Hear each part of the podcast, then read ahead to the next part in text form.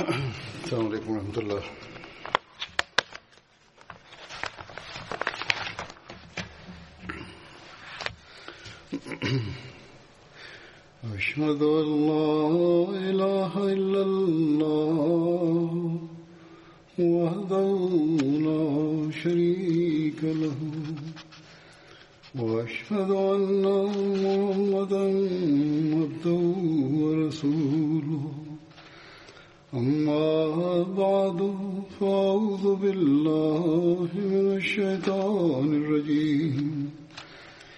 بسم الله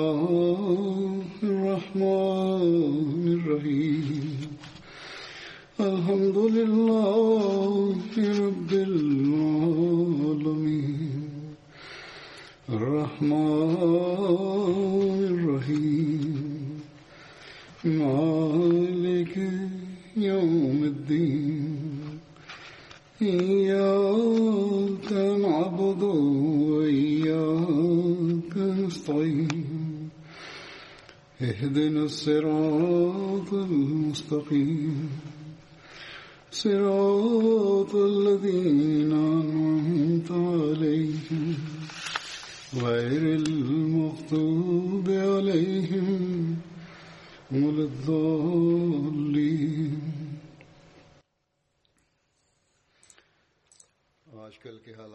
Sehubungan kondisi saat ini dan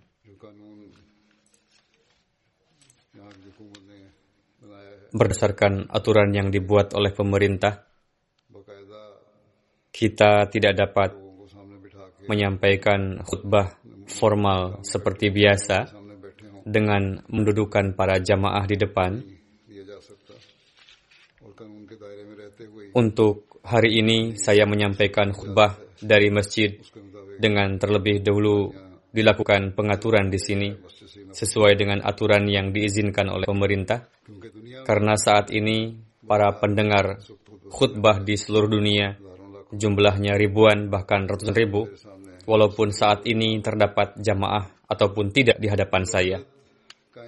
Kita harus berusaha untuk selalu menegakkan persatuan dan panjatkanlah doa semoga Allah Ta'ala memperbaiki keadaan dan menjauhkan wabah ini Demikian juga semoga masjid dapat makmur kembali.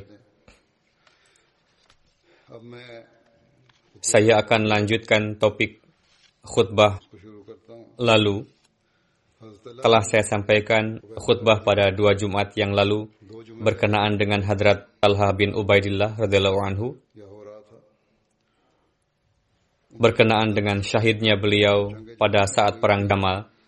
Sebelumnya, telah saya katakan bahwa saya akan melanjutkannya pada khutbah yang akan datang. Untuk itu akan saya sampaikan pada hari ini. Dalam penyampaian nanti sampai batas tertentu akan menjawab beberapa pertanyaan yang muncul berkaitan dengan perang Jamal. Sebelum kewafatannya, Hadrat Umar membentuk sebuah komite khilafat. Berkenaan dengan hal itu, kita dapatkan keterangan lengkap dalam satu riwayat Bukhari, yakni ketika menjelang kewafatan Hadrat Umar, orang-orang memohon kepada beliau, "Wahai Amirul Mukminin, berikanlah wasiat dengan menetapkan seseorang yang akan menjadi khalifah berikutnya." Beliau radhiyallahu bersabda, saya tidak mendapati seseorang lebih berhak dari beberapa orang ini untuk menjadi khalifah yang diridhoi oleh Rasulullah ketika beliau wafat. Lalu Hadrat Umar menyebut nama Hadrat Ali, Hadrat Utsman, Hadrat Zubair, Hadrat Talha, Hadrat Sa'ad, Hadrat Abdurrahman bin Auf. Lalu Hadrat Umar berkata,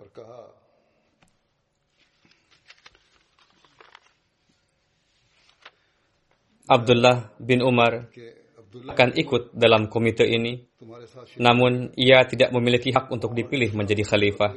Seolah-olah hal ini dikatakan untuk menenteramkan Abdullah. Jika saat terpilih, maka dialah yang akan menjadi khalifah. Jika tidak, siapa pun di antara kalian yang ditetapkan sebagai amir, mintalah selalu bantuan dari Sa'ad, karena saya memakzulkan dia bukanlah karena ia tidak mampu untuk melakukan tugas atau telah berkhianat. Selanjutnya bersabda, Aku berwasiat kepada khalifah yang terpilih setelah kematianku, pertama-tama berkenaan dengan muhajirin, perhatikanlah hak-hak mereka dan hormatilah mereka.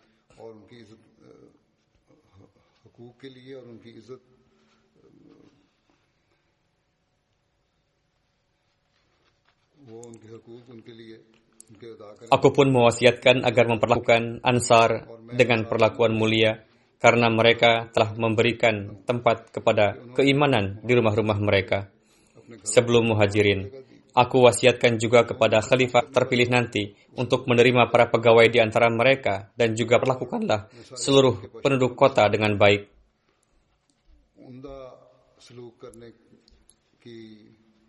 Karena mereka merupakan tempat berlindung bagi Islam, dan sumber kekayaan dan dapat menimbulkan kegelisahan bagi musuh.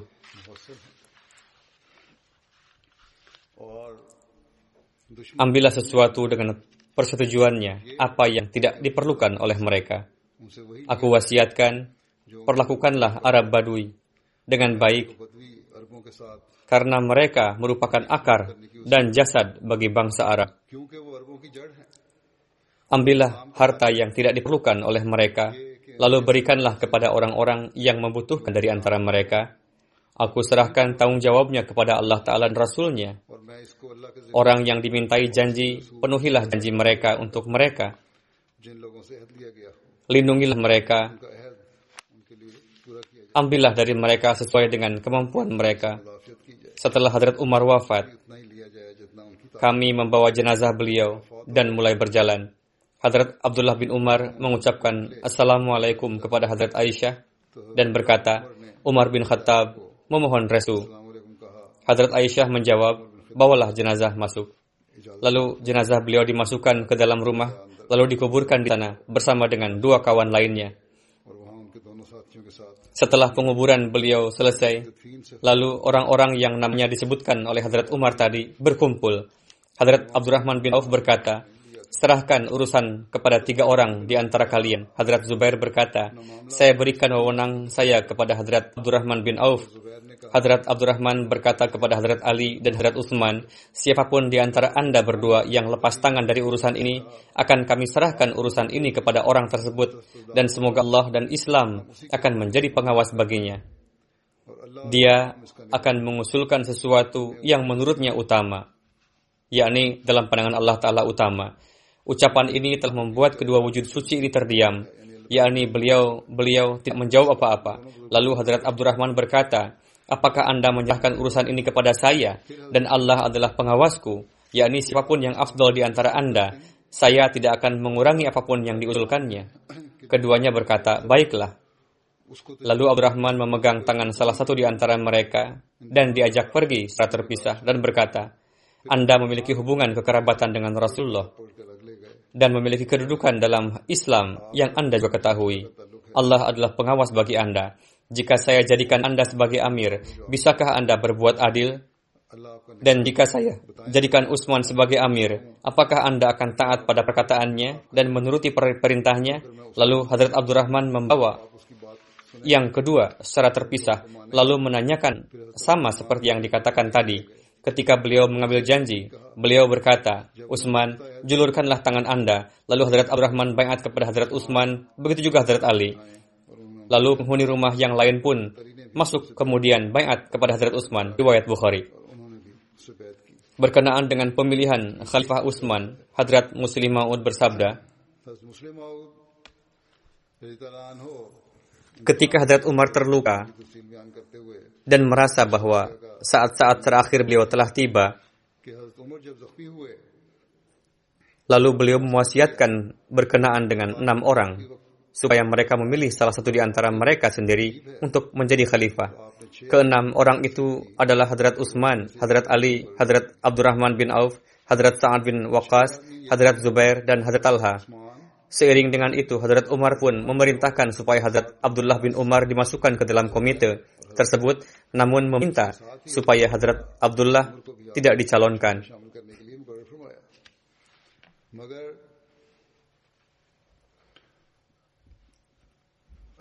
Beliau mewasiatkan supaya komite tersebut memutuskan dalam tiga hari dan untuk tiga hari tersebut beliau menetapkan Suhaib sebagai imam salat. Beliau juga menetapkan Mikdad bin Aswad sebagai pengawas komite, lalu memerintahkan padanya kumpulkan komite tersebut di satu tempat, lalu paksa mereka untuk memutuskan, dan kamu sendiri berjaga di dekat pintu dengan membawa pedang. Siapa pun yang mendapat suara terbanyak, hendaknya anggota komite lainnya bayat pada orang terpilih itu. Jika ada yang mengingkarinya, bunuhlah.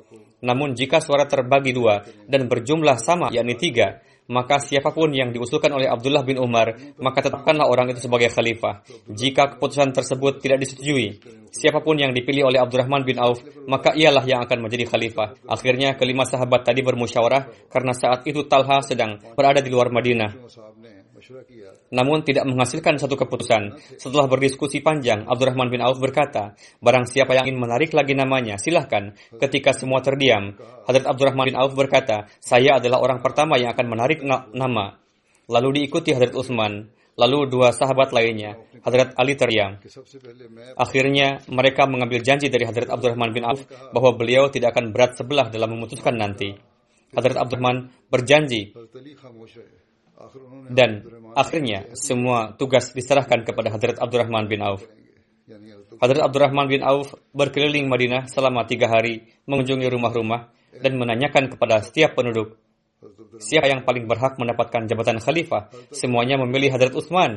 Lalu mereka semua menetapkan Hadrat Utsman sebagai khalifah dan Hadrat Utsman menjadi khalifah. Itu adalah penjelasan dari Hadrat Muslim Maud dari berbagai referensi sejarah. Dalam Fathul Bari Syarah Sahih Bukhari tertulis, Hadrat Talha tidak hadir ketika Hadrat Umar berwasiat. Mungkin saja beliau hadir ketika Hadrat Umar wafat. Dikatakan juga bahwa beliau hadir pada saat musyawarah telah selesai. Berdasarkan satu riwayat lainnya yang dianggap lebih sahih, Hadrat Talha hadir setelah prosesi bayat kepada Hadrat Utsman. Alhasil, Hadrat Utsman terpilih sebagai khalifah lalu nizam normal seperti semula. Ketika Hadrat Utsman syahid, semua orang datang berlari menuju Hadrat Ali. Di antaranya adalah para sahabat dan para tabi'in. Semuanya mengatakan, Ali Amirul Mukminin. Sampai-sampai mereka datang ke kediaman Hadrat Ali. Mereka mengatakan pada hadrat Ali, kami akan bayat kepada Anda. Silahkan julurkan tangan Anda, karena Anda adalah yang paling layak di antara semua. hadrat Ali berkata, ini bukanlah tugas kalian, melainkan tugas sahabat Badar. Siapa yang dipilih oleh sahabat Badar nanti, orang itulah yang akan menjadi khalifah. Lalu semua sahabat Badar datang kepada Hazrat Ali. Mereka mengatakan, kami memandang tidak ada yang lebih layak dari Anda. Silahkan julurkan tangan Anda, kami akan mengangkat tangan Anda. Hazrat Ali bersabda, di mana Talha dan Zubair? Yang paling pertama mengikrarkan bayat secara lisan adalah Hazrat Talha Yang bayat di tangan beliau adalah Hadrat Sa'ad. कि हम आपकी बैत करें Ketika Hadrat Ali melihat hal itu, beliau pergi ke masjid, lalu naik ke mimbar. Yang paling pertama datang menghampiri beliau, lalu bayat adalah Hadrat Talha. बैत हजरत साद ने की Setelah Hadrat Zubair, Ali ने ये lalu sahabat lainnya bayat kepada Hadrat Ali. और मेंबर पर चढ़े सबसे पहला शख्स जो आपके पास ऊपर आया और उन्होंने बैत की वो हजरत अल्लाह थे इसके बाद apakah Hazrat Talha, Hadrat Zubair, dan Hazrat Aisyah bayat kepada Hadrat Ali? Berkenaan dengan itu, Hazrat Muslim Ma'ud anhu bersabda, dalam sebuah pidato yang beliau sampaikan, ketika menyampaikan jawaban atas keberatan yang dilontarkan oleh Khawajah Kamaluddin Sahib. Penjelasan ini sangat perlu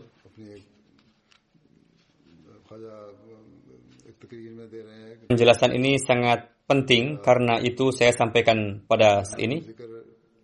Beliau Radul anhu bersabda, tidak bayatnya Hadrat Aisyah, Hadrat Talha dan Zubair, jangan Anda jadikan sebagai hujah. Beliau katakan kepada Khajah Kamaluddin, mereka tidaklah mengkari khilafat, melainkan yang menjadi masalah adalah para pembunuh Hadrat Utsman. Perlu saya sampaikan kepada Anda bahwa orang yang mengatakan kepada Anda bahwa ketiga sahabat tersebut tidak bayat kepada Hazrat Ali adalah keliru. Hazrat Aisyah telah mengakui kesalahannya, lalu pergi ke Madinah, sedangkan Hazrat Zubair dan Talha tidaklah wafat sebelum terli- terlebih dulu bayat. Dalam hal ini disampaikan beberapa referensi dari Khasais Kubra, jilid kedua. Hakim meriwayatkan, saya lewat tulisan bahasa Arabnya. Sor bin Mujiza mengatakan pada saya, pada saat perang Jamal, saya lewat di dekat Hadrat Talha.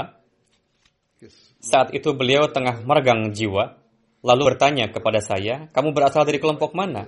Saya berkata, saya berasal dari kelompok Hadrat Ali, Amirul Mukminin. Beliau berkata, kalau begitu julurkan tanganmu supaya aku dapat bengati tanganmu. Lalu hadirlah bengat di tanganku, kemudian wafat. Saya sampaikan kepada Hazrat Ali ke kejadian ini. Hazrat Ali berkata, Allahu Akbar, sabda Rasul telah tergenapi dengan begitu jelasnya. Allah telah menghendaki supaya Talha tidak masuk surga tanpa bayat kepadaku. Beliau termasuk ke dalam sepuluh sahabat yang dijanjikan surga. Suatu hari dikisahkan mengenai perang Jamal kepada Hazrat Aisyah. Hazrat Aisyah bersabda, apakah orang-orang menceritakan perihal perang Jamal? Ada yang menjawab, benar, orang-orang menceritakannya. Hazrat Aisyah bersabda, seandainya aku duduk terus-menerus seperti orang-orang yang duduk pada saat perang Jamal, akan lebih membuatku bahagia daripada melahirkan 10 anak dari Rasulullah yang di antaranya setiap anak seperti Abdurrahman bin Harith bin Hisham. उस रोज बैठे रहे मैं भी बैठी रहती इस बात की तमन्ना मुझे इससे भी कहीं Hal berikutnya adalah कि मैं आ हजरत सल्लल्लाहु अलैहि वसल्लम से दस बच्चे जनती जिनमें से Talha dan Zubair termasuk sahabat yang tergolong ke dalam Asyah Mubasyarah फिर yang mengenainya Rasulullah telah memberikan kabar suka akan surga dan tergenapinya kabar suka Rasulullah adalah suatu hal yang pasti. Tidak hanya itu, mereka juga bertaubat dari khuruj, yakni memisahkan diri. Referensi ini dari Hadrat Muslim Maud.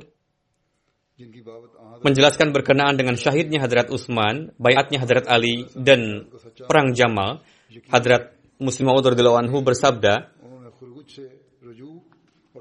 Kelompok pembunuh menyebar ke berbagai daerah, mereka melontarkan tuduhan kepada orang lain dengan tujuan untuk menyelamatkan dirinya sendiri dari tuduhan ketika mereka mengetahui bahwa umat muslim telah bayat kepada Hadrat Ali, mereka mendapatkan kesempatan baik untuk melontarkan tuduhan kepada Hadrat Ali dan memang benar telah berkumpul di sekitar Hadrat Ali beberapa orang dari antara para pembunuh Hadrat Utsman.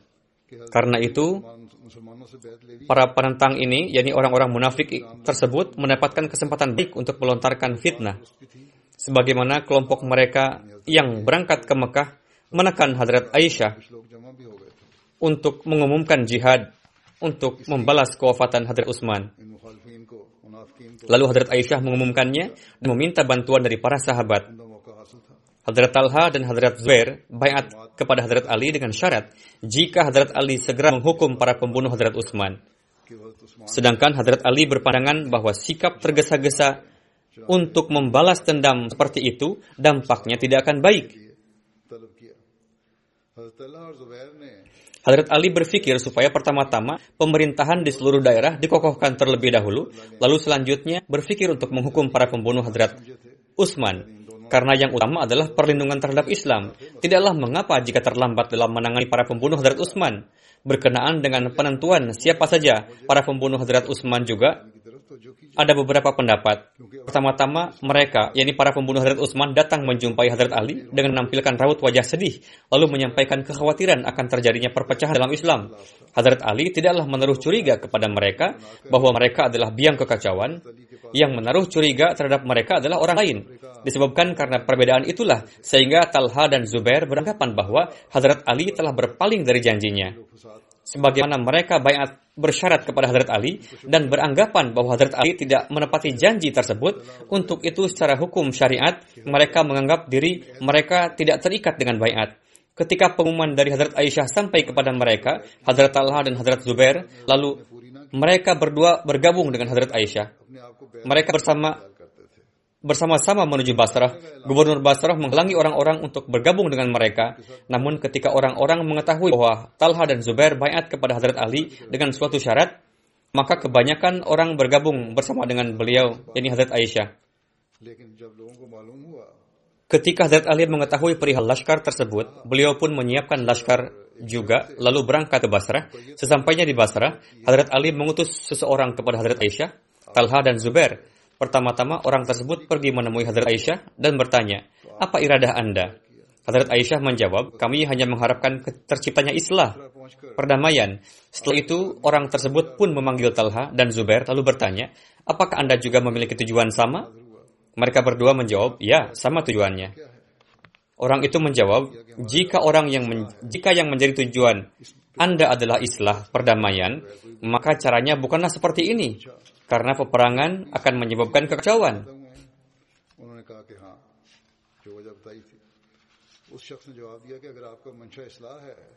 Kondisi negeri saat ini sedang tidak baik. Jika Anda membunuh seseorang, maka seribu orang akan bangkit untuk menuntut balas. Dan orang yang akan mendukungnya akan lebih banyak lagi. Untuk terciptanya Islam, Pertama-tama, ikatlah negeri dengan tali persatuan, selanjutnya menghukum para penjahat itu. Jika tidak, menghukum orang dalam keadaan yang mencekam seperti ini dapat menimbulkan kekacauan dalam negeri. Pertama-tama, kokohkan dulu pemerintahan, setelah itu baru menghukum mereka. Setelah mendengarkan hal itu, mereka berkata, jika memang rencana Hadrat Ali seperti ini, maka kami siap berjumpa dengan beliau. Lalu utusan tersebut mengabarkan kepada Hadrat Ali dan perwakilan kedua belah pihak bertemu, lalu dibuat suatu keputusan bahwa berperang tidaklah baik, hendaknya ditempuh jalan damai. Ketika kabar ini sampai ke telinga kelompok Abdullah bin Sabah dan para pembunuh Hadrat Utsman, mereka sangat khawatir. Lalu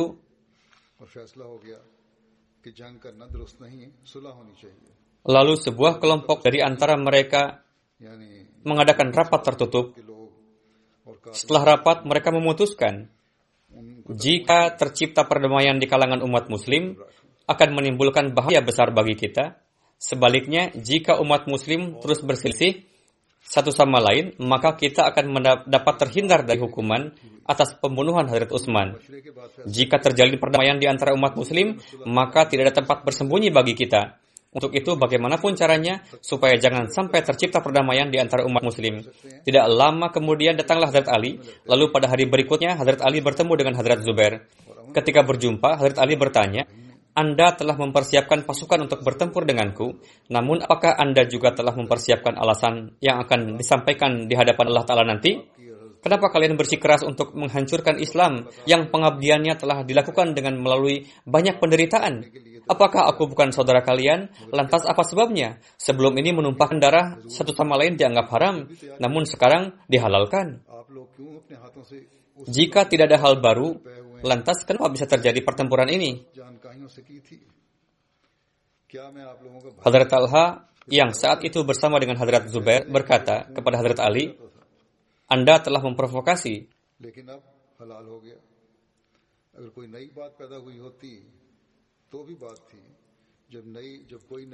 Hadrat Talha yang saat itu bersama dengan Hadrat Zubair berkata kepada Hadrat Ali, Anda telah memprovokasi orang-orang untuk membunuh Hadrat Utsman. Hadrat Ali berkata, saya melaknat orang-orang yang ikut serta dalam pembunuhan Hadrat Utsman. Hadrat Ali berkata, tidakkah kamu ingat Rasulullah pernah bersabda, Demi Tuhan, kamu akan berperang melawan Ali dan kamu akan menjadi orang zalim. Mendengar hal itu, Hadrat Zubair kembali kepada laskarnya dan bersumpah bahwa ia sekali-kali tidak akan berperang melawan Hadrat Ali. Lalu berikrar bahwa dirinya telah keliru dalam ijtihadnya. Ketika kabar tersebut menyebar di kalangan pasukan, semuanya merasa tenang, yakni tidak akan terjadi peperangan, melainkan perdamaian. Namun kabar tersebut membuat para pengacau kebakaran janggut. Ketika tiba malam, untuk menghentikan perdamaian ini, mereka menempuh makar dengan cara memprovokasi sebagian orang dari antara pasukan Hadrat Ali untuk menyerang pasukan Hadrat Aisyah, Hadrat Talha, dan Hadrat Zubair pada malam hari. Begitu juga mereka memprovokasi sebagian pasukan Hadrat Aisyah untuk menyerang pasukan Hadrat Ali. Hal ini mengakibatkan kegaduhan. Kedua belah pihak saling beranggapan telah ditipu oleh pihak kedua. Padahal sebenarnya ini merupakan rencana busuk kelompok Abdullah bin Sabah. Ketika peperangan dimulai, Hadrat Ali bersuara, informasikan kepada Hadrat Aisyah, mungkin melalui beliau Allah Ta'ala akan menjauhkan kekacauan ini. Lalu unta Hadrat Aisyah dikedepankan. Namun akibatnya malah lebih berbahaya lagi. Melihat hal itu, para pengacau berpikir bahwa upaya rencana busuk mereka akan berbalik kepada mereka. Lalu para pengacau mulai menghujani unta Hadrat Aisyah dengan anak panah. Hadrat Aisyah mulai berteriak, Wahai manusia, tinggalkanlah peperangan, ingatlah Tuhan dan hari penghisaban. Namun para pengacau tidak menghentikannya, malah terus melontarkan panah pada unta Hadrat Aisyah. Karena penduduk Basrah bersama dengan laskar yang berkumpul di sekitar Hadrat Aisyah melihat kejadian tersebut, mereka naik pitam melihat kelancangan yang dilakukan kepada Hadrat Ummul Mukminin. Mereka marah besar, lalu menarik pedang dan menyerang pasukan lawan. Kondisi saat itu adalah unta Hadrat Aisyah menjadi markas peperangan. Sahabat dan para pejuang pemberani berkumpul sekitarnya dan terbunuh satu persatu. Namun para pengacau tak tidak meninggalkan serangannya pada unta Hadrat Aisyah. Hadrat Zubair tidak ikut serta pada perang tersebut, pergi ke suatu tempat, namun ada seorang kurang ajar yang membuntutinya, lalu mensyahidkan beliau dari arah belakang ketika beliau tengah salat. Hadrat Talha terbunuh di tangan para pengacau itu di medan perang. Ketika medan perang semakin berkecamuk, berpikir bahwa perang tidak akan berakhir sebelum Hadrat Aisyah dipindahkan dari tempatnya. Lalu sebagian orang memotong kaki unta Hadrat Aisyah, lalu menurunkan tandu Hadrat Aisyah ke tanah. Setelah itu, peperangan terhenti. Melihat kejadian tersebut, wajah Hadrat Ali diliputi kesedihan, namun tidak berdaya atas apa yang telah terjadi. Ketika ditemukan jenazah Hadrat Talha di antara para korban pasca perang, Hadrat Ali sangat menyesalkan. Dari seluruh kisah tersebut, jelaslah bahwa tidak ada campur tangan sahabat dalam peperangan tersebut, melainkan ulah para pembunuh Hadrat Utsman jugalah. Hadrat Talha dan Hadrat Zubair wafat dalam keadaan bayat kepada Hadrat Ali karena mereka telah kembali pada iradahnya dan berikrar untuk menyertai Hadrat Ali, namun mereka terbunuh di tangan para penjahat. Hadrat Ali melaknat para pembunuh itu. Berkenaan dengan perang Jamal dan syahidnya Hadrat Talha, Hadrat Muslim Ma'ud anhu bersabda, ketika para nabi datang ke dunia, orang-orang yang beriman pada masa awal, merekalah yang dianggap besar, Umat muslim mengetahui bahwa setelah Hadrat Rasulullah, Hadrat Abu Bakar, Hadrat Umar, Hadrat Utsman, Hadrat Ali, Hadrat Talha, Hadrat Zubair, Hadrat Abdurrahman bin Auf, Hadrat Sa'ad, Hadrat Sa'id adalah orang-orang yang dianggap besar.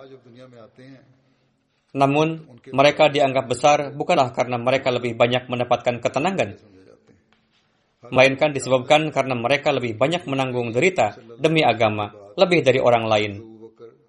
Hadrat Talha masih tetap hidup pasca kewafatan Rasulullah. Ketika timbul pertentangan di kalangan umat muslim pasca syahidnya Hadrat Utsman, satu kelompok mengatakan, kita harus membalas orang-orang yang telah membunuh Hadrat Utsman. Pemimpin dari kelompok ini adalah Hadrat Talha, Hadrat Zubair, Hadrat Aisyah. Namun kelompok yang kedua mengatakan, kaum muslimin telah terpecah belah. Banyak orang yang tewas. Sekarang juga kita harus menyatukan orang-orang Islam supaya wibawa dan keagungan Islam menjadi tegak. Setelah itu barulah kita menuntut balas terhadap orang-orang itu. Pemimpin dari kelompok ini adalah Hadrat Ali radhiyallahu anhu. Perselisihan ini menjadi sedemikian rupa runcing sehingga Hadrat Talha, Hadrat Zubair, dan Hadrat Aisyah melayangkan tuduhan bahwa Hadrat Ali ingin memberikan perlindungan kepada orang-orang yang telah mensyahidkan Hadrat Utsman, sedangkan Hadrat Ali menuduh bahwa mereka lebih mengutamakan tujuan-tujuan pribadi mereka dan tidak mengindahkan faedah bagi Islam. Perselisihan ini mencapai puncaknya dan kemudian terjadi perang satu sama lain. Sebuah perang yang mana Hadrat Aisyah menjadi pemimpin pasukan di dalamnya. Hadrat Talha dan Hadrat Zubair juga ikut serta di dalamnya. Sebagaimana telah disampaikan sebelumnya,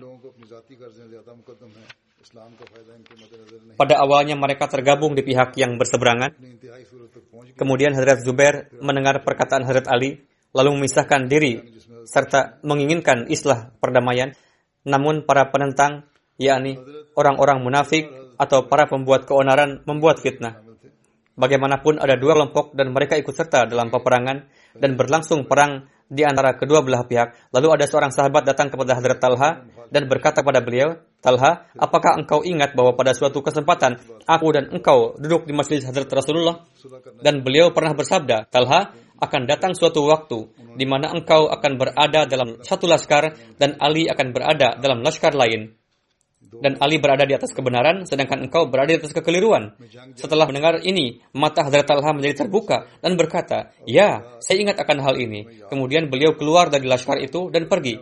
Ketika beliau pergi, meninggalkan peperangan supaya sabda Hadrat Rasulullah tersebut terpenuhi, maka seseorang yang keji, yang adalah seorang prajurit dari laskar Hadrat Ali, menebaskan pedang pendek kepada beliau dan mensyahidkan beliau. Hadrat Ali sedang duduk di tempatnya.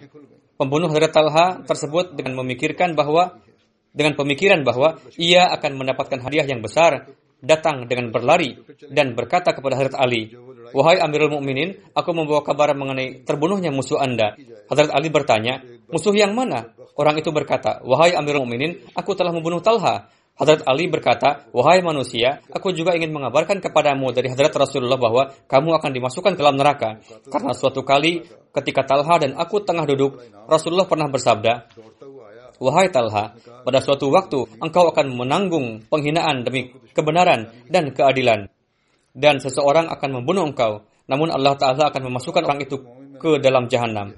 Pada peperangan itu, ketika barisan laskar Hadrat Ali, Hadrat Allah, dan Hadrat Zubair saling berhadapan, Hadrat Talha menyampaikan argumentasi-argumentasi yang mendukung pendapat beliau. Peristiwa ini terjadi sebelum orang seorang sahabat mengingatkan sebuah hadis kepada beliau yang kemudian beliau meninggalkan peperangan. Ketika Hadrat Talha sedang menyampaikan argumentasinya, ada seseorang dari antara laskar Hadrat Ali yang berkata, Hai buntung, diamlah. Salah satu tangan Salah satu tangan Hadrat Talha sama sekali lumpuh dan tidak bisa digunakan. Ketika orang itu mengatakan, Hai buntung, diamlah. Maka Hadrat Talha berkata, kamu mengatakan, Hai buntung, diamlah. Namun kamu juga mengetahui dengan cara seperti apa aku menjadi buntung. Dalam perang Uhud, ketika umat Islam tercerai berai dan hanya tersisa 12 orang sahabat bersama Hadrat Rasulullah, maka 3000 laskar orang-orang kafir mengepung kami dan menghujani Hadrat Rasulullah dengan anak panah dari keempat penjuru dengan pemikiran bahwa jika Hadrat Rasulullah terbunuh, maka semua urusan akan selesai. Maka pada waktu itu, para komandan laskar orang-orang kafir melontarkan anak panah ke arah wajah Hadrat Rasulullah. Lalu aku menempatkan tanganku di hadapan wajah Rasulullah, dan semua panah laskar orang-orang kafir itu mengenai tanganku. Ini hingga tanganku menjadi benar-benar tidak berdaya dan buntung. Namun aku tidak menyingkirkan tanganku dari hadapan wajah Hadrat Rasulullah. Berkenaan dengan riwayat Hadrat Talha pada kesempatan perang Jama, Hadrat Muslim Maud bersabda, ada seseorang yang mengatakan bahwa orang yang buntung itu telah terbunuh. Seorang sahabat yang benar ini mengatakan, kurang ajar, apakah kamu tidak tahu bagaimana beliau menjadi buntung? Pada kesempatan perang Uhud, ketika dikarenakan suatu kesalahpahaman, laskar sahabat meninggalkan medan peperangan, dan orang-orang kafir mengetahui bahwa hadrat Rasulullah tertinggal di medan perang hanya dengan beberapa gelintir sahabat saja maka sekitar 3000 orang Laskar orang-orang kafir mengepung beliau Sallallahu Alaihi Wasallam dari empat arah dan ribuan pemanah mengangkat busur mereka dan menjadikan wajah Hadrat Rasulullah sebagai sasaran supaya dengan hujanan anak panah itu bisa menembus wajah Rasulullah. Pada saat itu, orang yang berdiri untuk melindungi wajah beberkat Rasulullah adalah Hadrat Talha. Hadrat Talha mengangkat tangan beliau di hadapan Hadrat Rasulullah. Dan setiap anak panah yang menghujam tidak mengenai wajah beliau, melainkan mengenai tangan Hadrat Talha. Sedemikian rupa anak-anak panah menghujam sehingga luka beliau pun bukan luka biasa dan dikarenakan begitu banyaknya luka, otot tangan Hadrat Talha menjadi mati dan tangan beliau menjadi lumpuh. Jadi orang yang kamu hina dengan mengatakannya buntung itu, kebuntungannya adalah suatu hikmah, suatu nikmat yang setiap hari yang setiap dari kami menginginkan ke keberkatan yang seperti itu. Diriwayatkan dari Rabi bin Hiraj bahwa saya sedang duduk di samping Hadrat Ali. Kemudian datanglah Imran bin Talha. Beliau mengucapkan salam kepada Hadrat Ali. Hadrat Ali mengatakan kepadanya, Selamat datang Imran bin Talha. selamat datang. Imran, Tal, Im, Imran bin Talha mengatakan, Wahai Amirul Mukminin, Anda mengatakan selamat datang kepadaku, padahal engkau telah membunuh ayahku dan mengambil hartanya. Hadrat Ali berkata, hartamu disimpan terpisah di Baitul Mal, ambillah hartamu di pagi hari. Dalam satu riwayat lain dikatakan bahwa beliau bersabda, tujuan saya mengambilnya dalam penguasaan saya adalah supaya orang-orang tidak mencurinya. Dan adapun mengenai perkataanmu bahwa aku membunuh ayahmu, aku berharap bahwa aku dan ayahmu termasuk di antara orang-orang yang mengenai mereka. Allah telah berfirman, naza'na ma fi sudurihim min ghillin ikhwanan ala sururim mutaqabilin dan kami lenyapkan segala rasa dendam yang berada dalam hati mereka sedang mereka bersaudara duduk berhadapan-hadapan di atas dipan-dipan.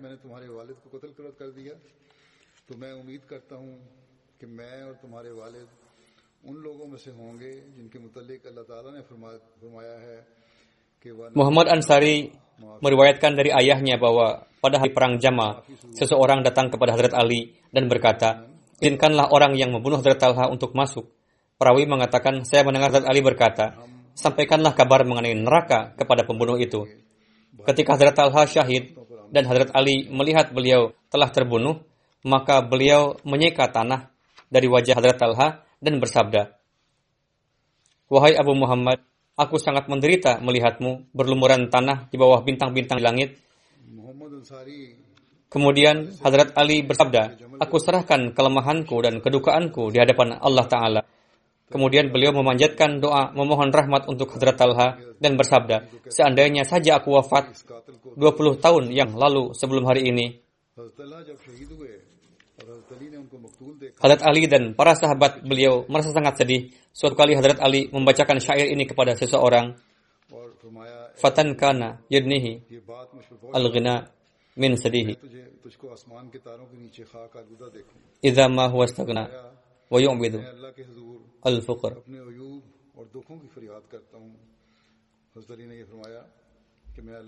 Ada seorang pemuda yang pada saat dalam kondisi kaya raya dan bergelimang harta tinggal berbaur dengan para sahabatnya dan pada saat dalam kondisi prihatin memilih untuk mengasingkan diri. Hadrat Ali berkata, orang-orang orang yang menjadi penggenapan dari syair ini adalah Abu Muhammad Talha bin Ubaidullah. Riwayat mengenai beliau berakhir sampai di sini.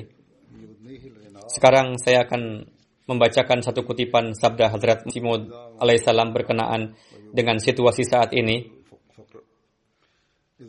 Pada suatu kesempatan beliau alaihissalam bersabda kepada Mufti Sahib, hendaknya tangilah rumah dengan lampu dan di hari-hari ini saat itu adalah hari-hari ketika terjadi wabah tahun. Jagalah kebersihan rumah dengan baik, jagalah juga kebersihan pakaian. Kemudian Hadrat Masih Maud Islam bersabda, sekarang ini adalah hari-hari yang sangat sulit dan udara juga beracun dan kebersihan juga adalah merupakan sunnah. Di dalam Al-Quran pun tertulis, baka fatahhir warrujisa fahjur.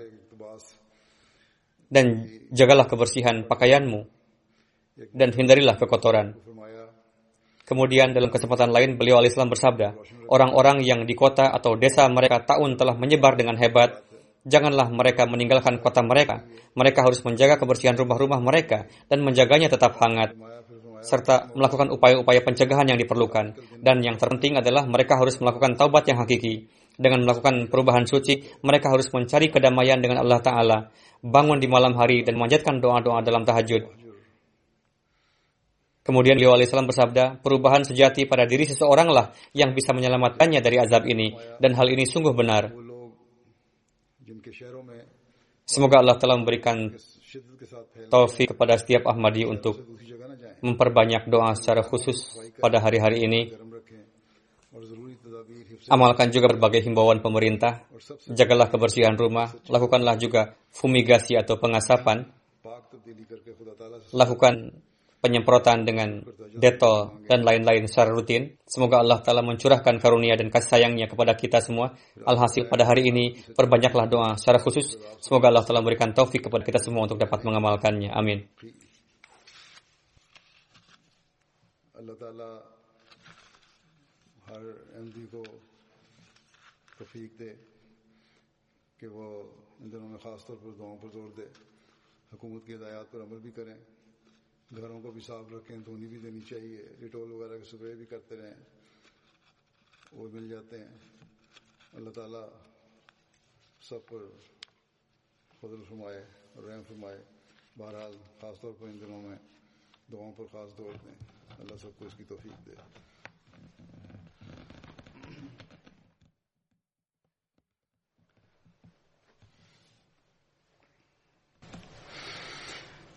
الحمد لله نعمده ونستعينه ونستغفره ونؤمن به ونتوكل عليه ونعوذ بالله من شرور أنفسنا ومن سيئات أعمالنا. من يهده الله فلا مضل له ومن يضلل فلا هادي له. ونشهد أن لا إله إلا الله ونشهد أن محمدا عبده ورسوله. عباد الله رحمكم الله. إن الله يأمر بالعدل واللسان وإيتاء ذي القربى وينهى عن الفحشاء والمنكر والبغي يعظكم لعلكم تذكرون.